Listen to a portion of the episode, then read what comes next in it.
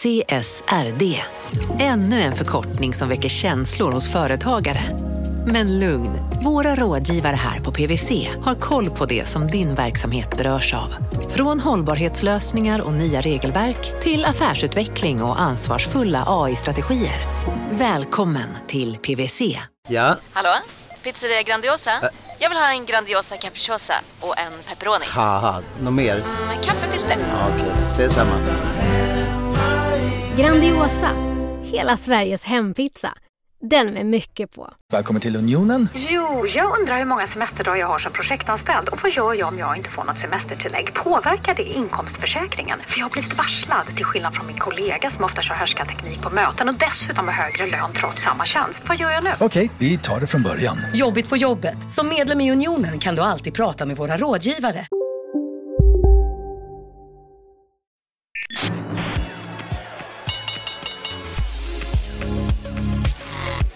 Här är Affärsvärlden med Helene Rådstein. Hej och hjärtligt välkomna till podden Affärsvärlden där vi varje torsdag fördjupar oss i affärsvärldens journalistik. Jag heter Helene Rådstein och jag är redaktionschef på Affärsvärlden och jag sitter här med Per Agerman som är en av Sveriges i särklass bästa journalister vad gäller ekobrott, ekonomisk brottslighet. Välkommen hit. Tack Helene. Det är väl okej att jag säger att du är det? Absolut, så länge du är världens bästa redaktionschef. Så. Ja, jo, vi får se hur det går. Du, eh, vi ska prata om Allra-rättegången som börjar här på tisdag. Just det. Och eh, man kan säga att det är så... Nu har det gått två år sedan Ekobrottsmyndigheten slog till mot huvudpersonerna i pensionsbolaget Allra. Och eh, nu så ska parterna göra upp i rättssalen och i potten ligger hot om mångåriga fängelsestraff och stora skadestånd för de åtalade. Men eh, vad säger de, åtalade? Ehm, Ja, de säger ju såklart att eh, hela åtalet är helt fel och att det här skadeståndskravet också är helt fel. De är, de är oskyldiga och har inte gjort någonting fel alls då i, i förvaltningen av de här pensionsfonderna. Nej. Och eh, du har ju skrivit långt reportage här i tidningen Affärsvärlden som kommer ut den här dagen, som podden kommer ut den här torsdagen. Och eh, vad tycker du är kärnan i allra fallet som eh, man måste förstå? Ja, det var en bra fråga faktiskt. Det är ganska många olika parametrar. Det, eh, I botten så ligger ju liksom någon sorts förtroende för vårt gemensamma pensionssystem. Så att säga. Det, här var ju fonder då som, som eh, förvaltade sådana här premiepensioners pengar och det var ju över 100 000 svenskar som hade pengarna i, i de här fonderna när de var som störst. Då. Så att, eh, det är en väldigt viktig parameter. Sen är det också intressant av, av flera skäl. Så säga, både för vad heter det, så att säga, Ekobrottsmyndigheten som är då den, den myndighet som ska åtala och beivra brott på finansmarknaden och i, i finansbranschen bland, bland annat. Eh, de har ju inte lyckats så bra tidigare med, med stora fall och så. De står inför lite så här, kanske inte vinna eller försvinna men det, det är ändå ett viktigt, viktigt mål för dem att de, att de får framgång här. Sen har man ju för, för hela så att säga, gänget på de åtalade sida, det är ju fyra personer då och för dem är det här väldigt avgörande vad, vad den här utgången blir. Liksom. De, de var ju då, fram till 2017 så såg så de ut som, som, som väldigt framgångsrika entreprenörer eh, och, det, och drev upp det här bolaget till att bli väldigt stort. De höll på att gå in på, börs, på börsen och, och allting såg väldigt bra ut. Men sen kom då den här eh, avslöjandena om att det kanske inte såg så bra ut bakom, bakom, bakom kulisserna. Nej, för det var väl i samband med att de skulle noteras som det var, blev en hel del skriveri. Hade det blivit det utan eh, noteringsresan? Ja, det är också, också en bra fråga, men det är klart att det låg väl lite grann i att, att, att bolaget var på väg att bli liksom ett börsbolag. Det var väl kanske en, en trigger. Liksom. Eh, men också att de hade, hade, vad heter det, de hade en ganska lång historia. Då. De hade vuxit väldigt snabbt under ett antal, antal år. Och det var väl lätt att de hade blivit så, så pass stora nu att, de ändå var liksom, att det var eh, relevant med, med en, en granskning av vad de höll på med. Liksom. Men man kan säga också i själva, det är fyra som står åtalade och två, är, och två andra personer är inte åtalade. Och det är för att de inte har kunnat nås, eller hur? Ja, precis. Det eh, pågår ju flera utredningar då hos eh, Ekobrottsmyndigheten sedan 2017 och det här åtalet gäller då en, en, en, mindre del och då totalt fyra personer. Men det finns då ytterligare misstänkta i de här olika utredningarna. Och eh, det är så då att, att de här två personerna befinner sig utomlands och de har inte då så att säga ja, velat komma till Sverige för att bli förhörda och sådana saker. De hade då, då troligen hamnat på Kronobergshäktet så fort de kom, de kom, de kom hit så att det kanske man kan förstå att de inte vill, vill hamna där. Liksom. Så att mm, de här två då befinner sig så att säga, utom, utom räckhåll för svenska åklagare då har de, de inte kunnat förhöras så man har inte kunnat slutföra förundersökningar kring dem då. Så de är inte åtalade. Utan förhör, inget åtal. Eller utan en klar förundersökning, inget åtal. Precis, Ja, precis, mm. precis. Men om man säger så, i kärnan i hela den här historien så är det då, så börjar man, man den tar avstånd i år 2012 kan man säga. Och det rör sig väl framförallt kring mellanhanden Oak Capital och Allra. Kan du förklara det upplägget? Hur det fungerar? Jag, kan försöka, det är inte helt enkelt. Är, eh, lite, lite förenklat så är det så att, att um, Allra hade ett antal fonder då som, som, eh, som förvaltade pengar åt pensionssparare eh, i det här premiepensionssystemet. De uh, vill göra en större värdepappersaffär med ett speciellt värdepapper, en varant som man då tog fram speciellt för, för de här fonderna. Och den som var med då att, att mäkla eller förmedla den här, den här affären var Oak Capital då, som var ett fristående bolag eh, här i Stockholm. Eh, och de i sin tur köpte de här, de här värdepapperna från två stycken stora finansaktörer, två, två banker i världen. Eh, och då, eh, då menar åklagaren... De köpte dem in billigare. Precis, precis. Enligt, enligt åtalet då så, så, så är det så att, att Oak köpte in dem för ett lägre pris än vad man sen sålde dem för till all, Allras fonder. Eh, och den här mellanskillnaden då, eh, som, ja, den kan ju klart att man kan få ett arvode för att man gör en sån affär givetvis. Men, men då menar man att den här, den här mellanskillnaden, den här avgiften, eller arvodet som, som utgick till OK, då, att det var alldeles för stort. Liksom. Det var en alldeles för stor avgift för den här typen av affär. Och då menar man då att, att uh, Oak Capital och sen i sin tur Allras huvudägare har skott sig på så att säga, fond, fondspararnas bekostnad helt enkelt. Men det är ganska stor skillnad mellan Falcon Funds, ska vi börja med att påpeka, där pengar ju faktiskt har försvunnit. Och Falcon Funds, där har det inte inletts någon eh, rättegång överhuvudtaget ännu. Och Allra, där pengarna faktiskt finns kvar och där de på försvarets sida pratar ju om att herregud, får vi inte lov att tjäna pengar? Visst, eh, liksom... Jag har inte hört någon som har klankat ner på att någon har tjänat för mycket pengar åt eh, småsparare innan. Vad är problemet? Mm. Nej, det är intressant för att de här affärerna då som man gjorde 2012 Eh, om man så att säga, lägger ihop investeringen man gjorde i de här värdepapperna inklusive de här avgifterna då, så gjorde man ändå ett överskott för fonden. Eh, så att man, fonden gick inte med minus på grund av det här utan det var ändå plus så att säga, när de här affärerna då sen, så att säga, räknades ihop. Liksom. Eh, och det är ju också speciellt i det här fallet just att, att eh, man då, då har inte så att säga, pengar som är borta utan det handlar mer om då hur man ska fördela den här vinsten. Och då, och då menar åklagaren och Pensionsmyndigheten att, att Allra och Oak fick för stor del av den här vinsten helt enkelt. Att, att de skulle ha så att säga, inte tagit så högt arvode. Kan du förstå båda sidor här?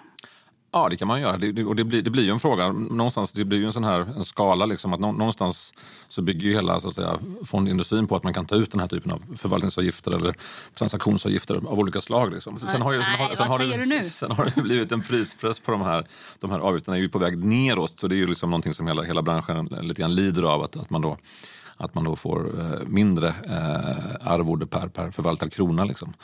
Men eh, sen, sen är då frågan i andra änden av spannet, när tar man ut för mycket? Alltså när, när, det finns ju regler för att man, man får ju inte så att säga, för, förvalta pengarna på ett sätt som gör att, att, att fondspararnas, så att säga, ja, fondspararnas intressen, intressen ska komma först. är ju viktigt. Så att säga. Men vad går gränsen? För säg att du har en fond, alltså att, säg att du bara skulle ha 10 spänn i en fond och ändå tar du ut liksom så att du får två kronor eller någonting, men fonden är så liten.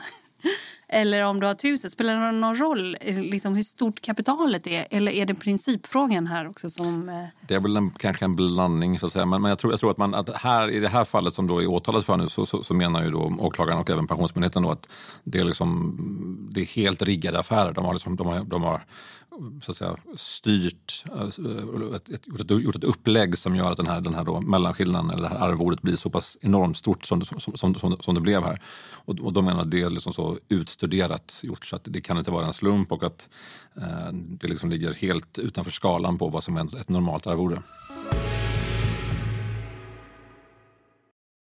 Marknaden sponsras av SPP, pensionsbolaget. Eh, förra gången pratade vi lite om ITP. Och som en kort repetition så, så var det ju 70-tal, arbetsmarknadens parter bestämde att alla tjänstemän ska ha en tjänstepension. Man kom överens om vilka villkor som ska gälla i den här pensionen och så kallade man den för ITP. Så jobbar man idag som tjänsteman i ett företag med kollektivavtal, då har man förmodligen den här pensionen, ITP-pensionen. Eh, och det är ju så att man kan påverka eh, den här pensionen, hur den är placerad. Vart femte år så gör nämligen Collectum, som de heter, en enorm upphandling där olika pensionsbolag kan ansöka om att få förvalta eh, de här pensionerna. Och SPP är ett av bolagen som valdes ut i den senaste upphandlingen. Och sen kan du som pensionssparare välja eh, vilket av de här olika pensionsbolagen som, som då ska få ta hand om dina pengar. Och tanken med den här upphandlingen är ju att liksom kvalitetssäkra de här olika alternativen eh, men också att förhandla fram stora rabatter så att pensionsspararna ska få ja, kunna spara pengar genom att avgifterna eh, som är så viktiga eh, blir eh, lägre. Och vill man välja någonting i ITP-systemet då finns det en relativt ny sajt som heter avtalat.se. Ehm, där kan man gå in och se hur sin ITP-pension är placerad. Jag gjorde det häromdagen faktiskt. Ehm, idén är att hälften av pengarna alltid ligger i något som kallas för traditionell försäkring. Det här gjorde vi ett avsnitt om i podden Kapitalet nyligen eh, som vi kallade världens bästa sparform. kan man lyssna på om man är intresserad. Eh, den andra halvan eh, den kan man också lägga i en traditionell försäkring eller så kan man placera det i något som kallas för fondförsäkring. Eh, SPP som sagt eh, var ju ett av de fåtal bolagen som valdes ut i den senaste upphandlingen och de finns med som alternativ både med en traditionell försäkring och med eh, fonder. Så det var en liten bakgrund till ITP-systemet. Vill man läsa mer om det här eller typ kolla hur ITP-pensionen är placerad, eh, kanske göra förändringar, då går man in på avtalat.se. Eh, men tack säger jag till SPP som vill göra oss människor mer medvetna om hur enormt viktig pensionen är för oss som en framtida lön, men också som en positiv kraft i samhället eh, och förstås för att ni möjliggör eh, den här podden Marknaden. Du lyssnar på Affärsvärlden Magasin med Helene Rådstein. Det här är det största finansmålet sedan eh, HQ-rättegångarna. För då var det två rättegångar. Det var mm. en som var eh, om brott och en om skadestånd. kan man just säga. Det, En som bara handlade om pengar och en just som handlade om de hade varit kriminella eller inte. Mm, precis, precis. Och eh, Kviberg och gänget de vann ju absolut den första. Och den andra, vad hände? Mm, nej, de, de klarade sig undan. Ja, de klarade sig undan. Även skadeståndet, absolut. Ja. Eh, men det var en otroligt lång eh, rättegång, och nu så kommer, eller två rättegångar. Och nu så kommer den här. Och då är det både skadestånd och brottsmålet i en och samma rättegång. Varför mm. är det så? Ja, precis. Eh, ja, det är speciellt när det gäller den här storleksordningen på pengar i och med att, i och med att då, skadeståndskravet ligger på över 200 miljoner kronor. För är det Pensionsmyndigheten? Mm, precis, precis, som har det kravet. Då. Och i, i, om man tar en, en normal, ett, ett, normalt brottmål, om man tar ett misshandel exempelvis, då är det inte så att säga, onormalt att, att åklagaren både driver så att säga, brottsdelen och skadeståndsdelen i samma.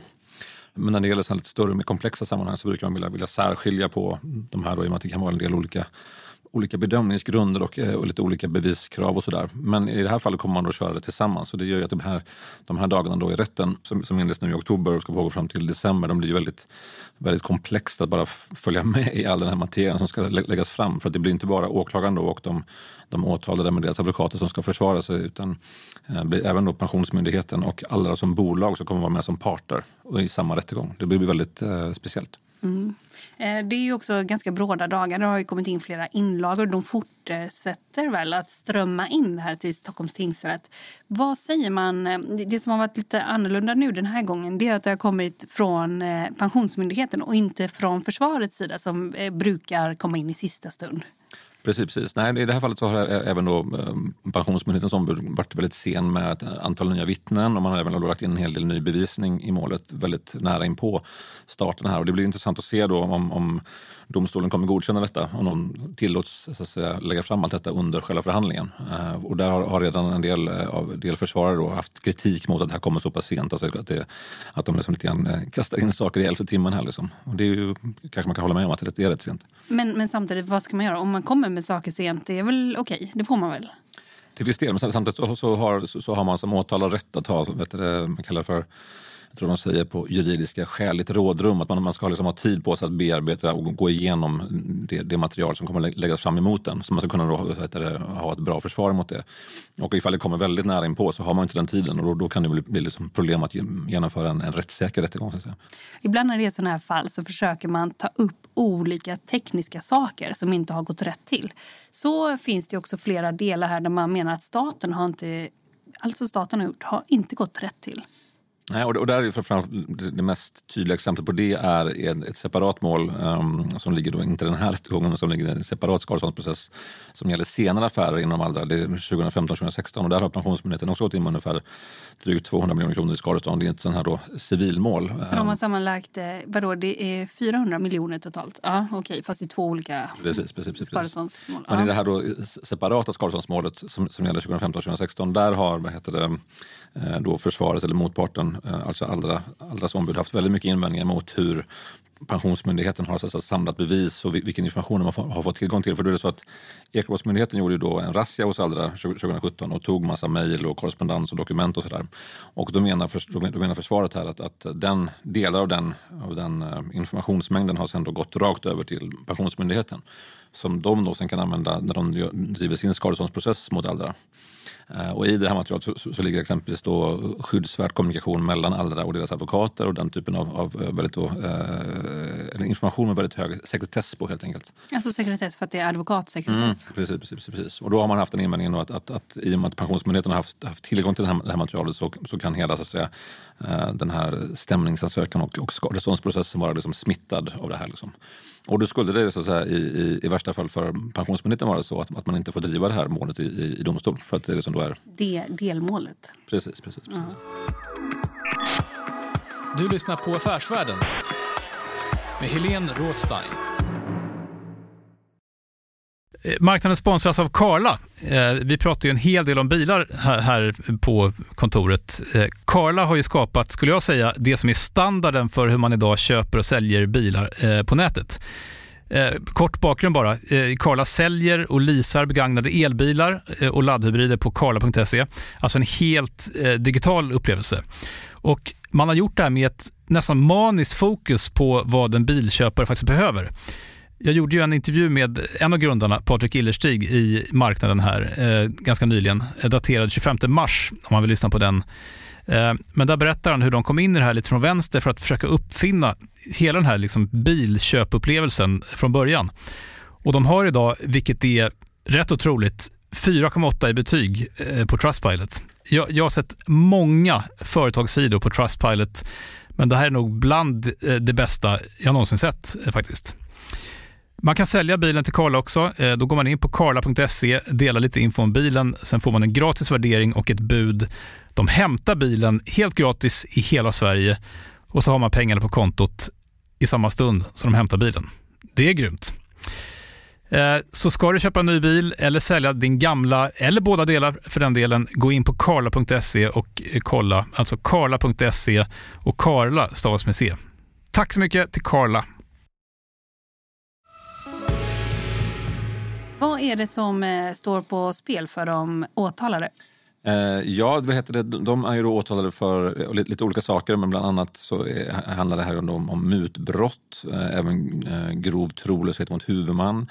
Penningtvättsbrott finns med så att eh, det ligger definitivt fängelse i straffskalan ifall de skulle, skulle bli fällda för detta. Är, är, är det, så att säga, någonting som de, de riskerar. Och sen har, har du också då krav på skadestånd och förverkande så att de kan ju också då få Förverkande, det är man ska betala massa pengar. Ja precis, det, de, de menar då att de har fått, fått del av brottsvinster och då ska de pengarna återgå till staten helt enkelt. Uh, så det gör att de, de, kan ju i värsta fall, då, om, om de inte kan betala de här pengarna, så kan de ju få så att säga, mång, mångmiljonskulder på sig också. Uh, det finns också krav på väldigt långa näringsförbud för de här personerna. Så att det gör det svårt att, att, driva företag i framtiden. Och de då som eh, inte har gått att nå av svenska myndigheter. Eh, det är Allras före detta Dubai-chef och det är också en storägare va? i Oak mm, Capital. Ja. De har inte gått att nå så de är inte åtalade. Hur länge, om man håller, undan, om man håller sig undan myndigheter x tid, hur, hur lång tid måste de hålla sig undan?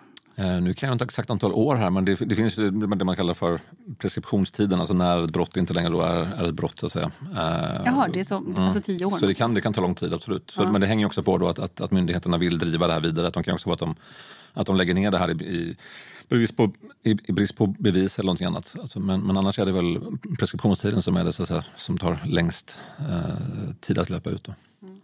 Eh, och det, det är vad som står på spel för de åtalade. Vad står det på spel för de som eh, på inte bara åklagarsidan utan på, för myndighets-Sverige. Vad, vad, vad är det som står på spel där skulle du säga?